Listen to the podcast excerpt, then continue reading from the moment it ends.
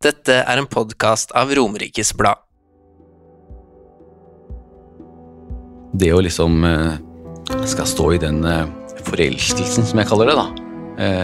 å og være nyforelsket og så glad i noen på så kort tid, og samtidig få både melding om kreft, få beskjed om at du må amputere, det, det var ikke bare bare.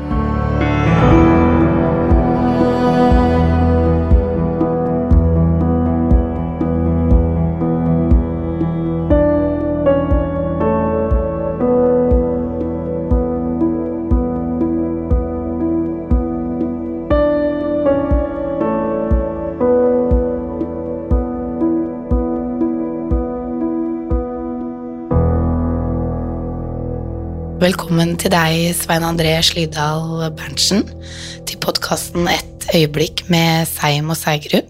Og velkommen til deg også, Siri. Takk.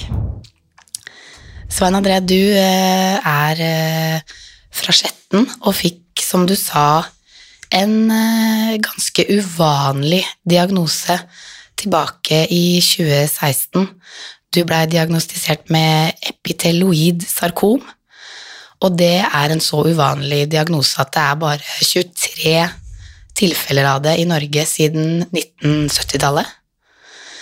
Men du kjente jo egentlig at eh, noe var gærent lenge før du fikk diagnosen i eh, 2016. Fortell litt om eh, hvordan din eh, krefthistorie starta.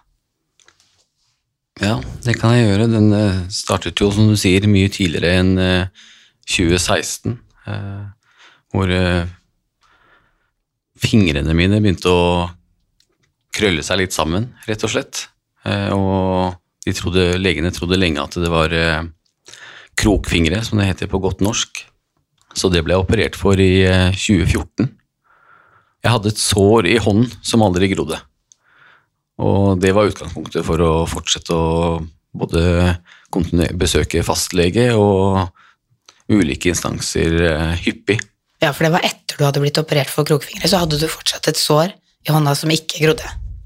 Ja, jeg, jeg ble operert og fikk et sår i håndflaten som ikke ville gro.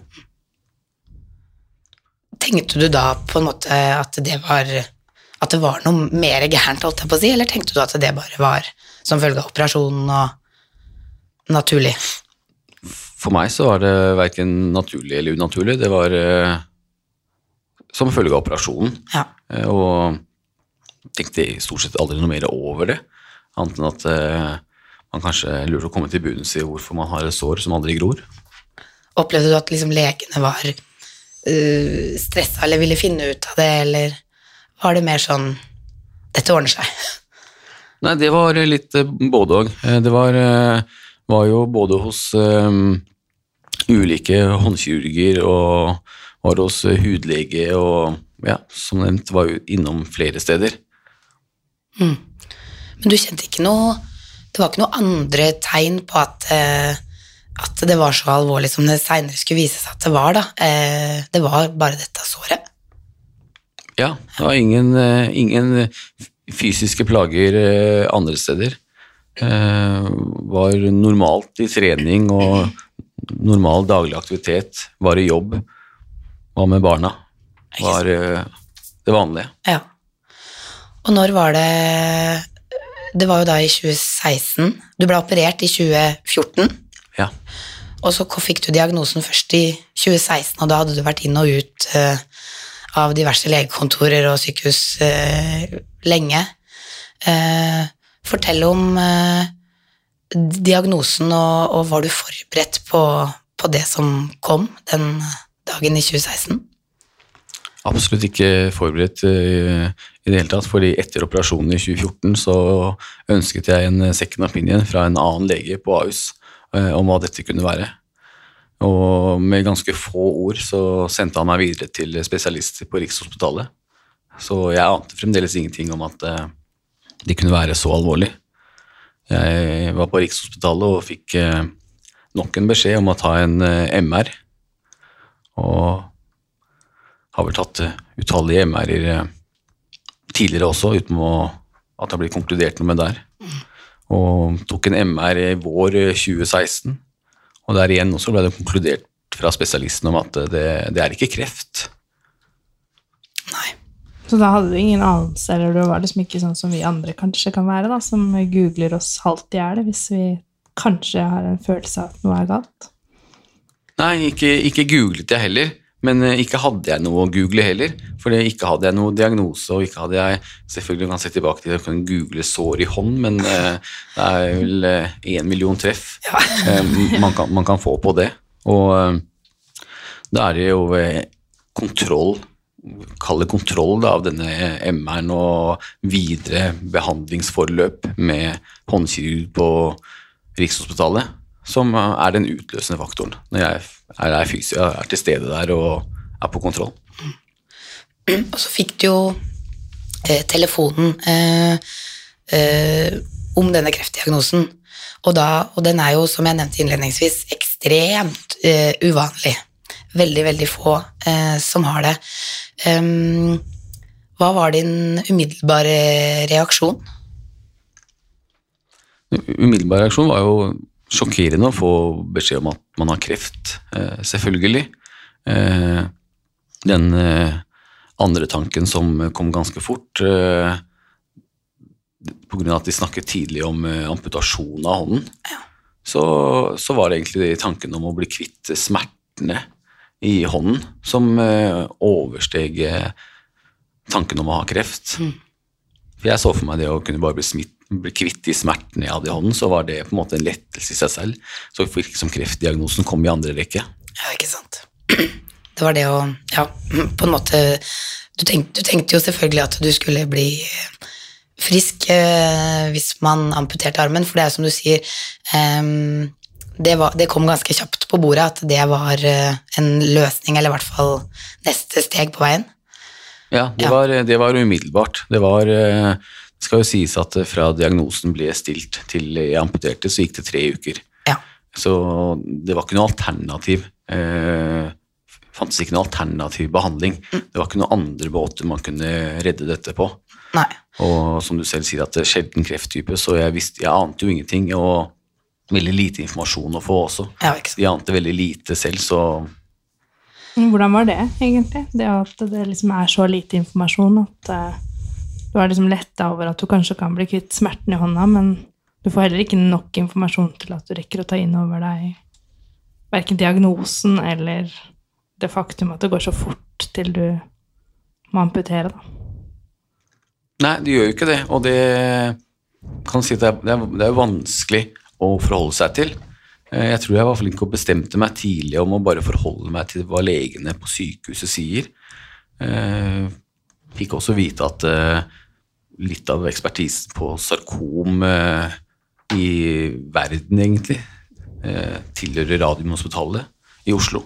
Sånn at det å bare liksom Kanskje ikke lene seg tilbake og slappe av, men det å kunne høre på hva legene sier, og på en måte legge litt i dems hender, da. Det var den tanken som slo meg ganske tidlig, for det Kreft er ikke noe jeg kan noe om, og kan gjøre noe med.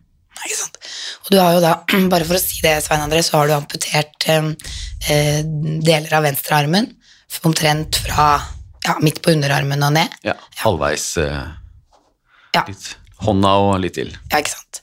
Men jeg tenker jo sånn umiddelbart at hvis jeg, uten at jeg på noen som helst måte kan sette meg inn i situasjonen, så tenker jeg jo at hvis, man, hvis jeg hadde fått en kreftdiagnose, så hadde jeg vært veldig sånn opptatt av å få alle svar som var mulig å få om prognoser og alt eh, som skal skje framover. Hva kan jeg forvente meg, hvordan skal dette gå? Og den muligheten hadde jo på en måte ikke du, fordi at, som du sier, eh, ikke engang legene kan veldig mye om den krefttypen du har, da. Eh, Går det an å si noe om Du sier, du er jo inne på det, at du må liksom eh, så langt det går lene deg tilbake og stole på legen og sånt noe, men, men det å Jeg veit jo for eksempel at du du, du veit ikke om eh, Altså hvor lenge du kommer til å leve, om dette er noe du kan leve liksom hele livet med, eller om Ja, åssen det blir, da. Åssen er det å forholde seg til? Blir man desperat etter eh, svar? Jeg blir ikke desperat etter svar. Eh, Jeg forholder meg til det som er eh, her og nå. Og det har vel liksom det som har vært overlevelsesstrategien de siste seks-syv årene også. Det er å forholde seg til det. Men det er som du sier, at når googler man, så får man gjerne de svarene man ikke ønsker. Men googler man, så får man også svar om at som sier, 23 stykker siden 70-tallet. Eh, Nå er det vel eh, 24 eller 25 som har eh, dukket opp nå. Men eh, det er ikke noe mer du kan eh, få gjort. Nei, ikke sant. Man må bare forholde seg til, det. Men de rundt deg, jeg kan jo se for meg at eh, Altså, jeg, ja, og har de på en måte Du virker jo, framstår ganske sånn Avslappa er kanskje et rart ord å bruke, men som at du klarer å, å forholde deg til, og at du må bare ta det som det kommer, da. Men klarer de rundt deg det også? Jeg tror det er verre. Ja. Eh, og det er sånn jeg opplever det også. Det er, det er vanskelig. Eh, og det vil nok kanskje gjelde alle Nå snakker jeg kun for meg selv, men alle kreftdiagnoser også. Så føler jeg at det er verre for de som Det er verre for de pårørende, de som sitter rundt. Eh, de hiver kanskje gjerne litt mer etter informasjon enn eh, hva selve pasienten gjør. Og det kan være av mange ulike årsaker, men eh, spesielt for de nærmeste hos meg og for kona blant annet, så er det, det er tøft. Det er vondt å ikke vite, vondt å ikke kunne planlegge. Mens jeg tenker at vi, vi planlegger det vi skal, og så er det likevel eh, Ja, jeg forstår godt at det er vanskelig for alle, alle rundt. Og det, selvfølgelig, det er vanskelig for meg å forholde meg til også. At det er vanskelig for de andre. Ja, klart det. Du tenker på de andre midt oppi dette som du står i sjøl. Ja. Er tanken ofte mest på de andre, på en måte? Fordi du, du selv, råder jo over deg selv og dine tanker og din tilnærming til situasjonen, men at det er de rundt og deres opplevelse av det og søken etter svar, da, kanskje, som på en måte kan være tyngende, eller er det Hvordan opplever du det? Nei, jeg opplever det ganske riktig sånn som du sier der. For det, tankene går over til eh, både kone og barn og hvordan de opplever dette, hvor vanskelig det er for dem. Mm. Fordi som jeg sier, at jeg får, ikke, jeg får ikke gjort noe med det. Ikke at de får gjort noe med det heller. Men eh, det er vel verre for de som ikke har diagnosen, å leve i den uvissheten om at eh, hvor langt frem i tid kan man planlegge. Hvor, Man eh, merker det kanskje sjøl også hvis at man har det tror jeg er veldig menneskelig, uansett hvem, hvilken relasjon man har. At er eh, liksom, Man har jo veldig lyst til å hjelpe til med noe, men uten svarene eller noe å gå etter, så er det ikke så lett å være pårørende heller, kanskje, eller de nærmeste. Og at det er derfor det på en måte kanskje blir litt sånn at eh, de søker disse svarene hele tiden. da. Ja, og, og du, har jo, du har jo barn, som du sier, Svein André. Eh, og hva sier man til barna? Eh, man kan jo tenke som forelder selv at man vil veldig gjerne si at men dette går bra, dette skal vi ordne. Og så kan man på en måte ikke si, love det, kanskje. Eh, hvordan snakker man med, med barna om eh, en sånn diagnose som du har? Jeg tror det er viktig å informere barna om eh, det som er eh, kalt for need to know. Da. Eh, man trenger ikke å gjøre det så komplisert eh, for barna, men eh, fortelle de alvoret. Og ikke nødvendigvis fortelle de hva den verste konsekvensen er, med mindre man selvfølgelig er på det stadiet selv, er der, da. Men i hvert fall fortelle de hva som skal foregå. Eh, ta de med på de tingene som skal foregå. og... Eh, Gjerne få barna selv også til å snakke med helsepersonell hvis eh, de er gamle nok eller ønsker dette. Men eh, jeg tror eh, i hvert fall vår strategi har vært å involvere barna eh, så mye som mulig i det som er viktig for dem. Og så så da, de er med og opplever liksom selve prosessen, da. Ja. Eh, og det å ha barn gjør jo kanskje at man tvinges litt til å leve et så normalt liv som mulig, på en måte. Hverdagen, eh, den er der uansett, og, og barna driver med sine ting, og man, man må jo bare um, stå i det, på en måte, og det er kanskje på godt og vondt. Det er både på godt og vondt, det, men eh, det hjelper deg det å komme opp av sofaen og komme opp eh, om morgenen.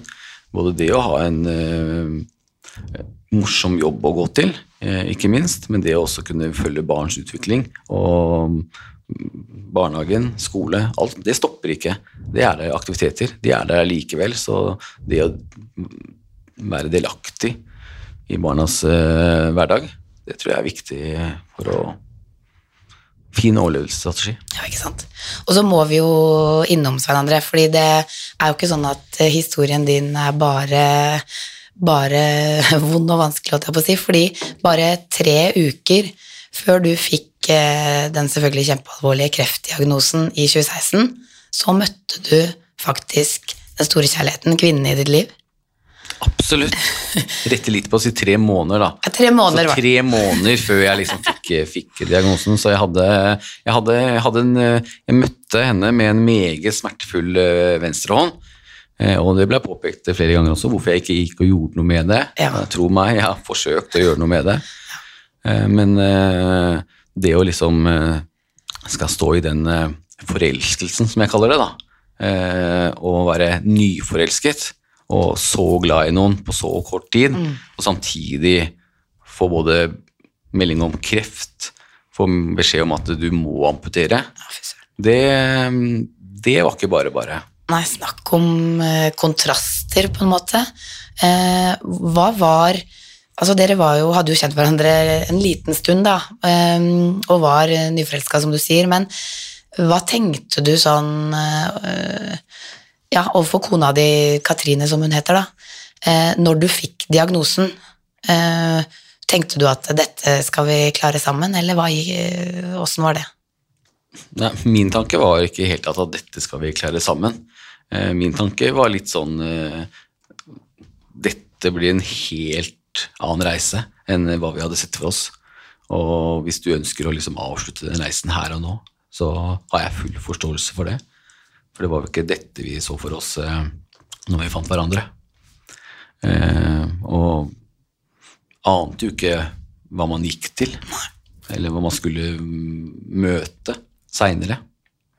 Ga du uttrykk for det, liksom, at du nærmest ønska at hun skulle trekke seg unna, eller var det helt å holdent opp til henne?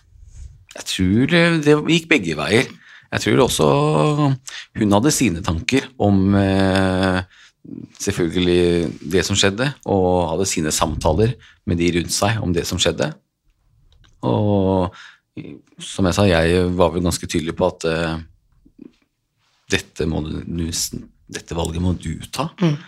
Eh, nå føler jeg at jeg har kanskje et par andre valg som jeg må ta. Ja, ja ikke sant. Men em, går det an For hun valgte jo helt åpenbart eh, å bli, for dere er eh, gift eh, i dag og har felles barn også. Men kan du si litt om man er i en sånn nyforelska fase hvor alt egentlig liksom bare er fryd og gammen og sommerfugler og god stemning, og så må man forholde seg til liksom det, alt dette stikk motsatte også. Kreftdiagnoser, usikkerhet.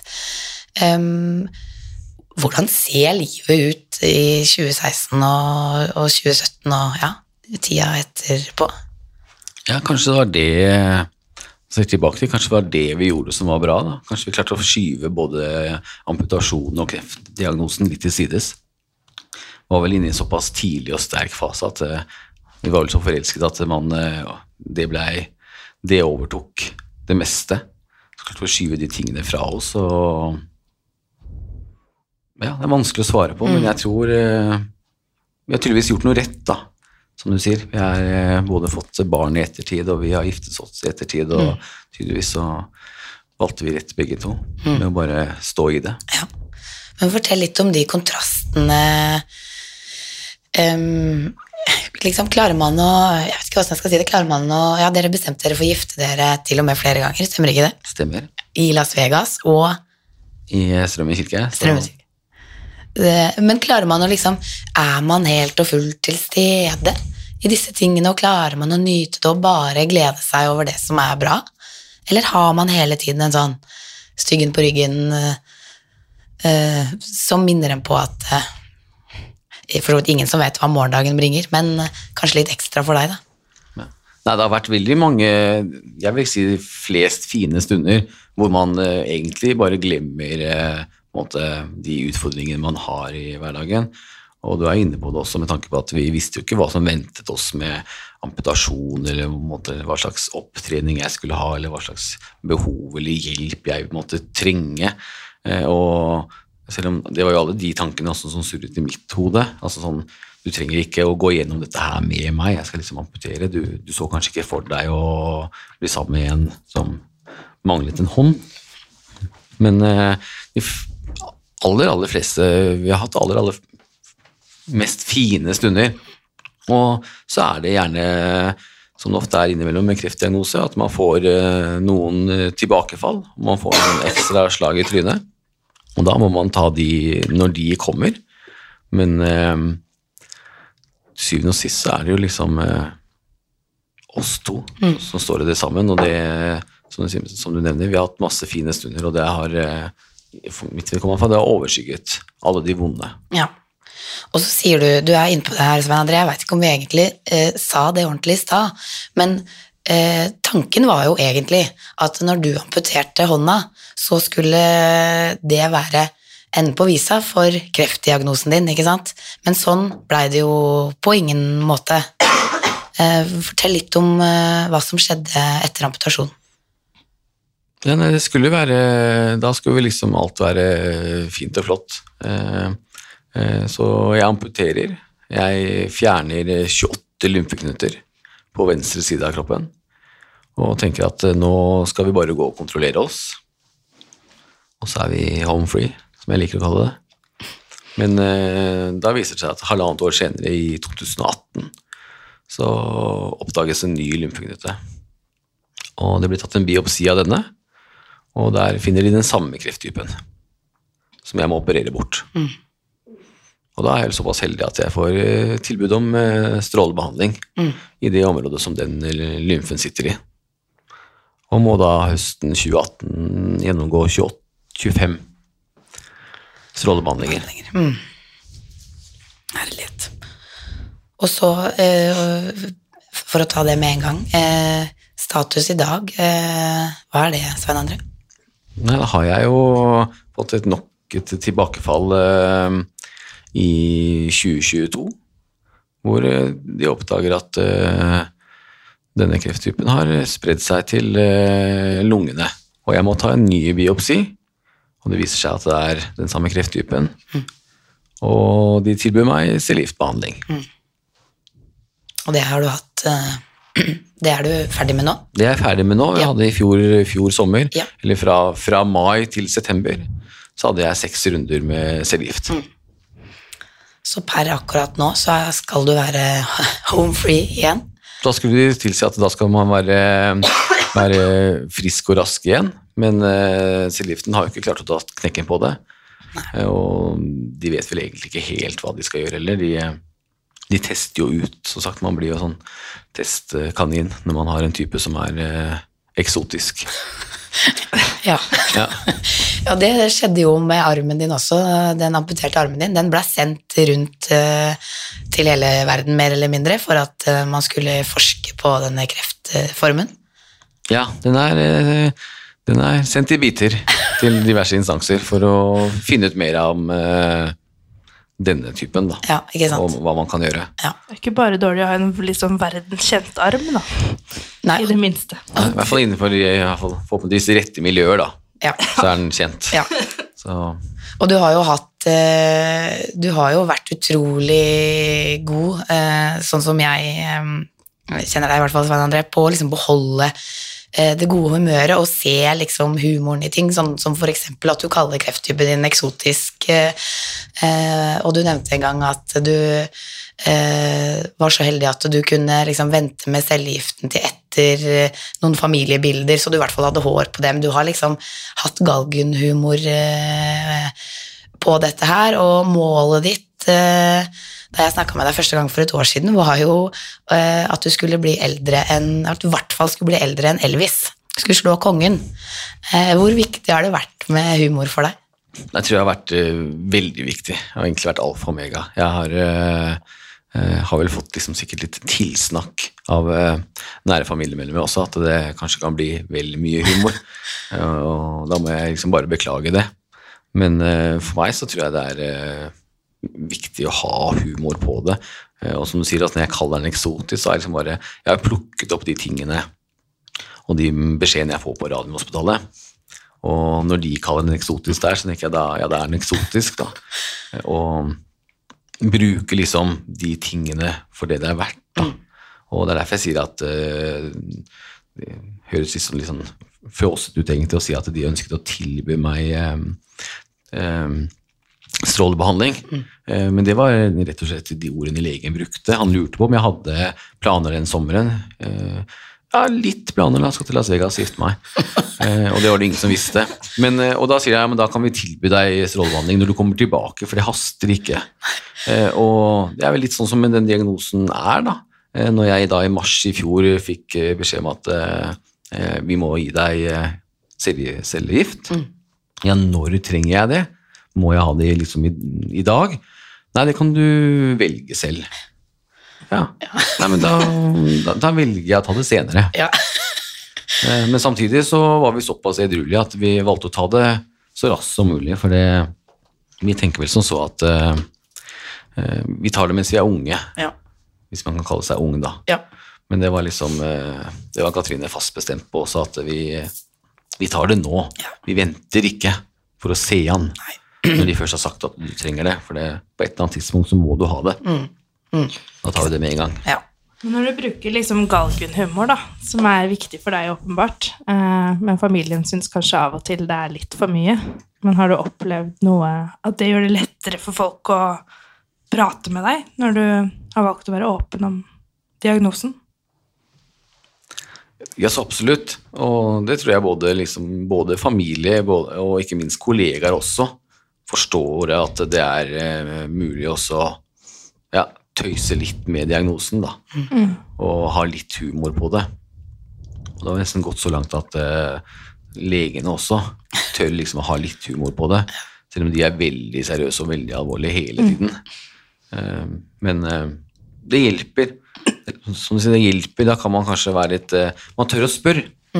Ja, ta litt Ja. sånn ned garden til folk på at det er ikke så farlig, eller Ja. de trekker seg ikke tilbake fordi de er redd for hva de skal si, eller den type ting, men at det, det går an å nærme seg noe alvorlig, da, på en litt mer folkelig og humoristisk måte, men som samtidig bærer det alvoret bak der. Absolutt. Har du opplevd det, at folk har blitt, blitt øh, nesten redde for å spørre, kanskje, eller blitt veldig forsiktige, tatt mindre kontakt, kanskje fordi man er rett og slett litt sånn redd for å grave og spørre og mm, For mye, da. Ikke som, jeg, ikke som jeg tenker over. Jeg tror liksom folk er vel, som ser liksom, man sier liksom tidsklemma. Folk er vel opptatt eh, med sin egen hverdag fra før av, men eh, det jeg legger mest merke til, det er at eh, folk blir veldig overrasket over at det er kreft som har ført til at jeg er amputert. Når de, for det er man nysgjerrig på. Ja, Når man ser at man har protese, så er man nysgjerrig på Ja. hvorfor man har amputert. De fleste tror liksom at det er en arbeidsulykke. Ja. Det er liksom deres umiddelbare tanke. Og når det er kreft, så er det oi. Mm. Hvordan? Det har vi aldri hørt om. Nei, ikke sant. Nei, det er helt riktig. Det, det- det har du aldri hørt om. Det har ingen, ingen hørt om men nå skal du høre. Så bra. Um, du har jo um, Da du gikk på cellegift, mista du jo selvfølgelig hår og sånt nå. Er det Tenker du, Syns du det er lettest på en måte at folk ser at du er sjuk, eller foretrekker du på en måte at det er minst mulig eh, synlig og, og fokus på det? Sånn fra folk rundt deg, tenker jeg på da. Jeg vet ikke hva jeg tenker om at, de, om at det er synlig og de ser at jeg er syk, Nei. eh, men eh, det er naturlig at de ser det. Mm. Eh, og når man får cellegift, man liksom blir litt oppblåst og man eh, som du sier, mister håret og sånne ting. Men jeg tror det er mer fokus på at folk ser at eh, her er det noe, Mm. men samtidig at man tør å være til stede i ulike rom. Ja, ikke sant? Ja, og sånn som nå er det jo, når jeg ser på deg nå, så er det jo ingenting som på en måte avslører at du har en alvorlig kreftdiagnose. Det er som du sier, man har en amputert arm, men det er jo ikke, det er ikke nødvendigvis kreft. eh, Det er ikke det første man tenker på det da. Um, men eh, ja, er det, er det befriende, eller er det fint eh, at folk veit at du er sjuk, eller er det lev, altså, Det er vanskelig å spørre om, men eller er det bedre sånn som nå, da, hvor det ikke egentlig er synlig på noe vis, og du kan kanskje glemme det mer, eller jeg vet ikke om man glemmer det. Sånn er det? Kanskje man ikke glemmer det, det sitter med deg hele tiden. Og, men for meg så har det ikke noe betydning. Det er ikke noe annet. jeg, jeg ønsker jo ikke at å, å gå rundt og at folk skal se at jeg er syk. eller at Jeg trenger, jeg har ikke noe behov for å fortelle folk at jeg er syk. Og det er jo lettere nå som eh, håret har grodd tilbake, og man kan gå til frisøren din og klippe seg og gjøre de, de tingene igjen. Mm. så det er liksom, og det er- det det, Man glemmer ikke eh, det man står i, men eh, det letter lite grann, da. Fordi eh, ikke minst at man får bare det å få håret tilbake på hodet gir deg masse energi. Ja, ikke sant. Så bra. Og hva tenker du om eh, framtida, Svein André? Det er eh, Planlegger man eh, langt eh, fram i tid, kort fram i tid? Åssen er det å vite så lite som du tross alt gjør? Det er vel eh, Det er tunge stunder med det også. Og det gjør vel at man holder litt igjen eh, sånn i planleggingsfasen. Jeg ønsker å planlegge, men samtidig så blir jeg hjulpet med å holde beina på jorda. Eh, Og nå er man egentlig tilbake der som jeg var, føler jeg, for syv år siden, når jeg amputerte. Nå er det inne å kontrollere hver tredje måned. Eh, tenker jeg at man får bare planlegge imellom slaga, da. Ja. Åssen er den eh, Åssen er du den dagen du skal inn og kontrollere? Du har jo opplevd mange tilbakefall. Eh, ja, åssen er man? Er du stressa?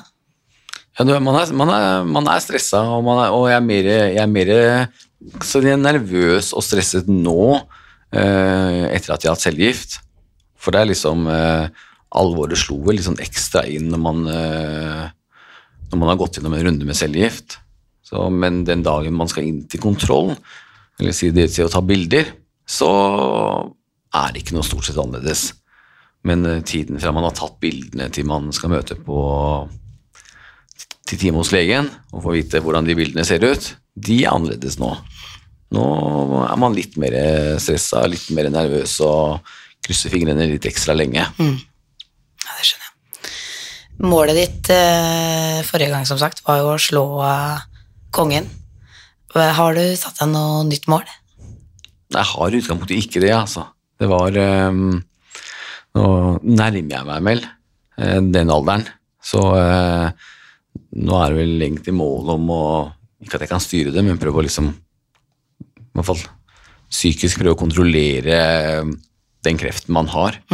Eh, kanskje om en stund så vil eh, noen som er eksperter, gi deg svar på hvorvidt man kan eh, leve med det, eller Ja, ikke sant? Sprøtt. Tusen takk for at du kom, Svein André. Vær så god. Takk til deg, Siri. Du har nå hørt en podkast av Romerikes Blad. Ansvarlig redaktør er Rune Bernhus.